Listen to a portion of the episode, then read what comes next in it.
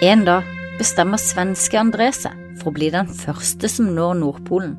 Flere hadde prøvd før han, uten suksess, og 11. juli 1887 setter André og to andre menn kursen mot Nordpolen i en varmtluftsballong. Det var siste gang noen hørte fra de. 33 år senere får man svar på hvor de ble av, men funnet vekker også nye spørsmål. Hvordan døde de?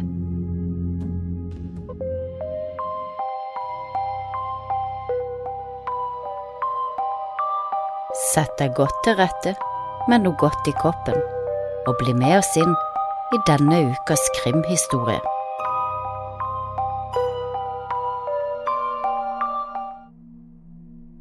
Sommeren 1930 legger et norsk skip til kai ved øyen Hvitøn på Arktis. Om bord i skipet befinner det seg en gruppe forskere på vei mot Frans Josef. Øyen Hvitø er til vanlig utilgjengelig, men den varme sommeren hadde gjort det mulig for de å stoppe innom og se om de kunne finne påfyll av mat og vann. Mens de går over isen, legger to av mennene merke til noe som blinker i snøen. De sperrer opp øynene. På et av verdens mest øde steder har de funnet et metallokk.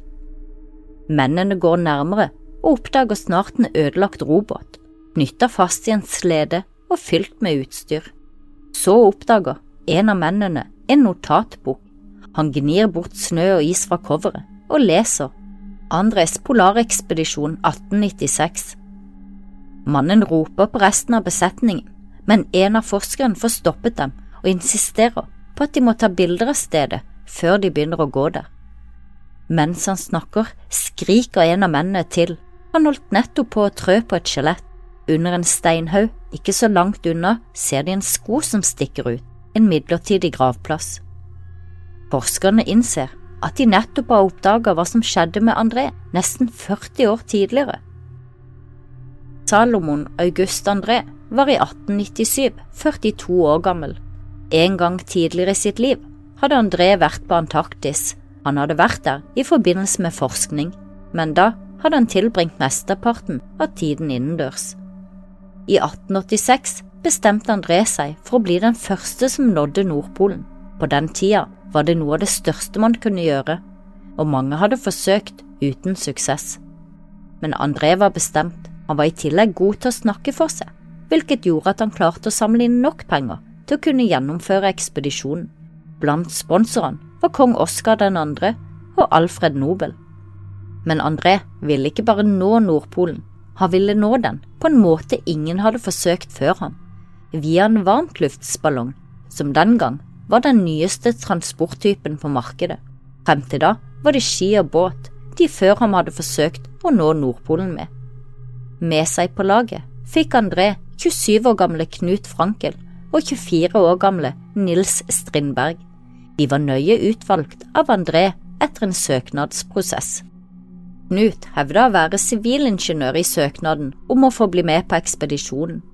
I virkeligheten var han akkurat uteksaminert og hadde ingen reell erfaring fra arbeidslivet. Knut skulle ha ansvaret for å observere vær og vind under reisen. Nils skulle ha ansvar for å fotodokumentere ekspedisjonen. Nils var også forlova med Anna Charlier. Bryllupet skulle stå når Nils var tilbake fra ekspedisjonen. André sin plan var å fly varmtluftsballongen til Nordpolen. Der skulle de slippe ned en bøye for å markere at de hadde nådd destinasjonen.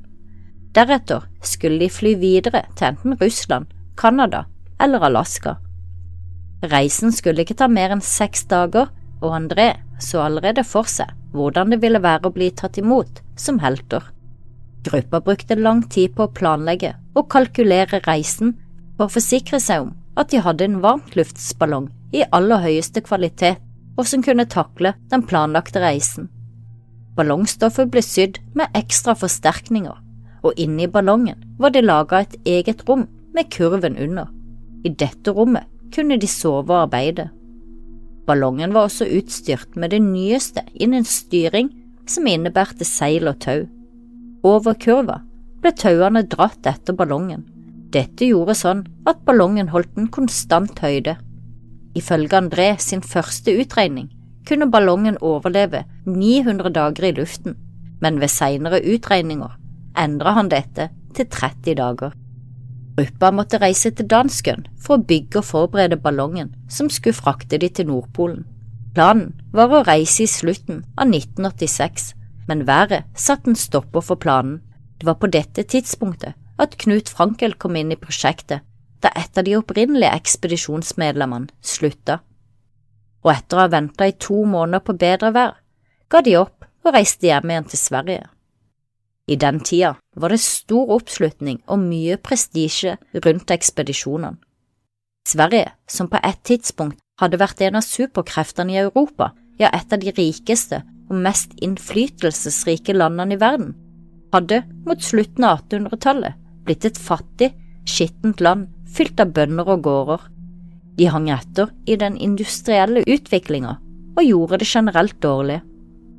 Å ha en av deres egne som førstemann til å nå Nordpolen ville gjøre Sverige relevant igjen og gi svenskene noe å være stolt over. Publikummet hylla gruppa lenge før de la ut på ekspedisjonen. Kongen inviterte de på middag, og sanger og spill ble laget om dem. Publikum var derfor skuffa da de kom hjem igjen uten å ha reist til Nordpolen. Det gjorde at André ble enda mer bestemt på å få gjennomført. Medlemmet som hadde blitt erstatta av Knut Frankel, hadde blitt hetsa for å forlate gruppen og gitt opp. I juli 1887 returnerte André med Knut og Nils til dansken med det samme utstyret, fast bestemt på å gjennomføre ekspedisjonen. Og 11. juli var det endelig nok vind fra sør, som var det de trengte for å kunne fly med varmtluftsballongen. De arbeida fort og fikk alt på plass. Så skålte de i et glass champagne før de gikk opp i kurven. Det var første gang ballongen ble flydd. André ropte kutt alle tauene noe som skulle sende ballongen oppover. Men slik gikk det ikke. Ballongen ble tatt av vinden og ble skyvd mot den ene veggen som hadde stått rundt kurva. Ballongen traff hjørnet av den før ballongen endelig begynte å stige til værs. Det siste de som sto på bakken hørte, var André som ropte hva faen var det? Ballongen fortsatte over vannet, og seilet ga dem god fart i vinden men plutselig begynner ballongen å snurre rundt sin egen midtstang og drar ballongen ned mot vannoverflaten. I panikk tar gruppen og kutter av sandposene som er blitt brukt som dødvekt. Alle tauene gikk i den samme retninga og ble snurra på en sånn måte at de til slutt løsna opp igjen, og med all dødvekten gruppen nettopp hadde kvitta seg med, var ballongen nå nesten 800 kilo lettere og steg nå mot himmelen. De som sto igjen på bakken forventa at André landa på nærmeste landsted. Det var umulig å fortsette reisen etter å ha mista så mye tau og dødvekt. De var helt nøyt å se på hva som gikk galt, før de forsøkte å reise ut igjen. Men mens de står og tenker dette, ser de at ballongen fortsetter inn i skyene, i retning nord. Det var siste gang noen så dem, på 33 år. Ballongferden fortsatte fremover. Ingen av de snakka om at ventilene skrek og at ballongen lakk, og i stedet for å være 150 meter over bakken, var de 700 meter over bakken, som igjen resulterte i at hydrogenet ble pressa ut på grunn av lavt lufttrykk. Og neste morgen var ballongen dekka av frost, noe som gjorde at ballongen sakte sank nedover, og etter noen timer så er de så nære isen at bunnen av kurva bumper inn i den. Gruppa kaster det de kan over bord for å få ballongen til å løfte seg igjen, inkludert markøren som skulle settes på Nordpolen. Etter 65 timer i ballongen så innser André at de ikke kommer til å nå frem til Nordpolen. Når ballongen ble landa, hadde de ikke reist en tredjedel av veien til Nordpolen engang. De hadde landa på 82 grader. Et norsk team hadde to år tidligere vært helt oppe på 87 grader. Nå sto André og de to andre der med tre store sleder i tre og en båt. De pakka sleden med det de trengte, mat i form av svenske kjeks, kjøttpulver og mat som kunne holde dem i live i tre og en halv måned. De tok også med seg champagne og bøker. Sledene veide 200 kilo hver. Det betydde at de måtte flytte sledene en om gangen. Det nærmeste stedet de kunne finne var en kai 32 mil unna men en mye større havn i Frans Josef var 35 mil unna. Det var den samme havna som det norske laget hadde rukket fram til to år tidligere, så laget bestemte seg for å gå mot Frans Josef. Når André hadde søkt sponsing til prosjektet sitt, pleide han alltid å si at Arktis er et sted hvor solen alltid skinner, og isen er flat og lett å gå på. Men det er en stor forskjell på Arktis og Antarktis. Mens Antarktis er et tykt lag med is på toppen av fastland, er Arktis et tykt lag med is på toppen av et vann. Det betyr at isen er i konstant bevegelse, men du vil ikke legge merke til det når du står på den. Noen dager gikk André, Nils og Knut i 16 timer og forflytta seg 800 meter. De sov og gikk så tilbake igjen 800 meter. Det spilte ingen rolle hvilken retning de gikk, isen under dem bevega seg hele tida motsatt. Det var Nils som først innså dette etter at de hadde vært en måned på isen, og i september så innså de at de ikke ville nå frem til Frans Josefs land før polarnatta satte inn, og da ville det være mørkt døgnet rundt. Gruppa bestemte seg for å bygge ei snøhytte og rasjonere det lille de hadde igjen av mat.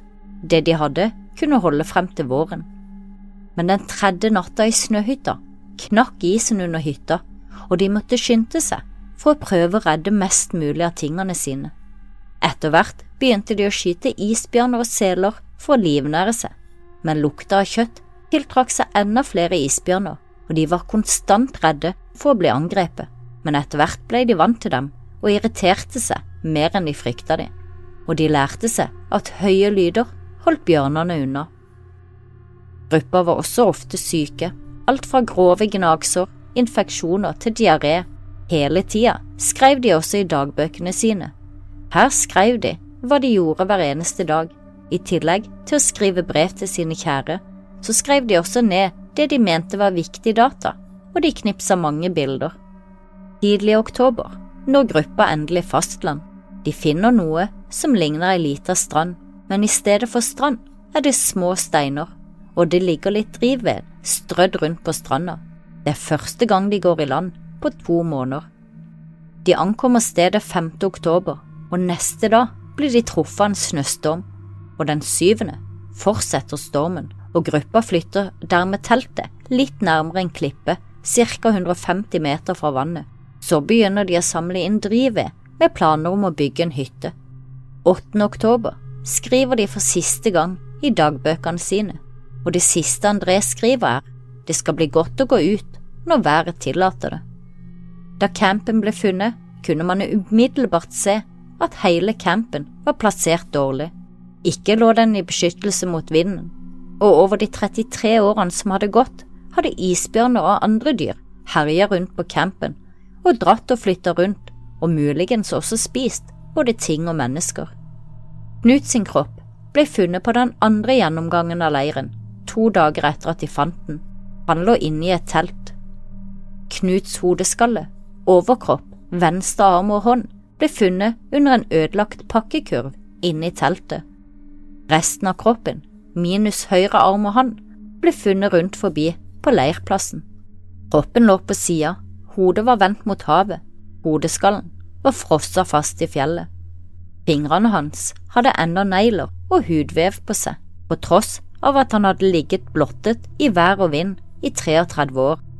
Klærne Knut hadde hatt på, var opprevet, men knappene i skjortene var fremdeles knept igjen, så skjorta må ha vært på når han døde. Siden av Knuts hode sto det en boks med morfintabletter med lokket på. Han hadde ingen sko på seg. André ble funnet liggende ved en klippe rett ovenfor teltet. I starten hadde de tenkt at også André lå i teltet, men teltet var veldig lite og rommet knapt to personer.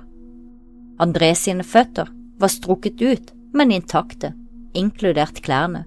Han hadde også på seg sko, og ved siden av kroppen hans fant de en haug med klær som tilhørte André, og inni her fant de også dagboken hans. Den var pakka inn i en genser, og deretter pakka inn i en vanntett pose. Det sto også en primus der, som ennå var fullt intakt og som fremdeles fungerte. På andre siden av André sin kropp sto en rifle og en øks, og i lomma på buksa si hadde han fyrstikker og riflepatroner. Nils ble funnet i den nærmeste fjellsprekka til campen, 29 meter unna, dekka av stein. Han hadde dødd før Knut og André, og de hadde deretter begravd ham.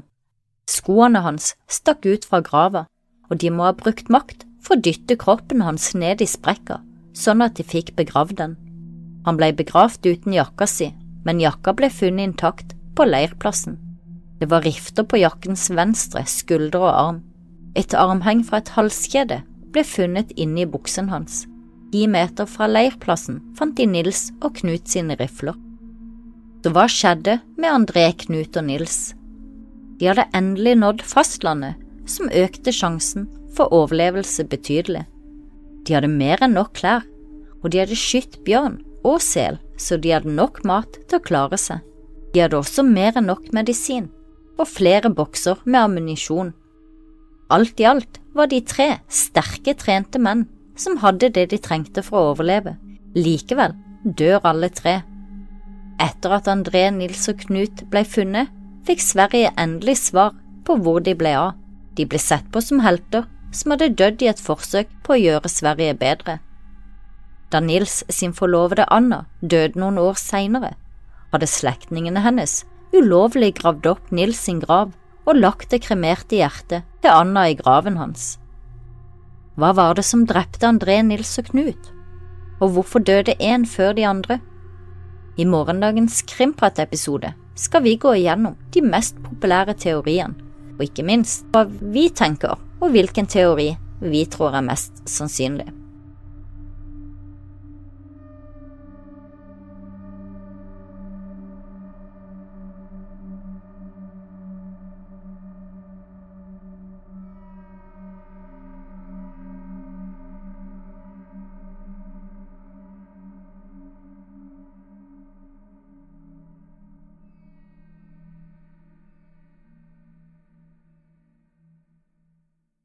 Har du et enkeltpersonforetak eller en liten bedrift? Da er du sikkert lei av å høre meg snakke om hvor enkelt det er med kvitteringer og bilag i fiken, så vi eh, gir oss her, vi.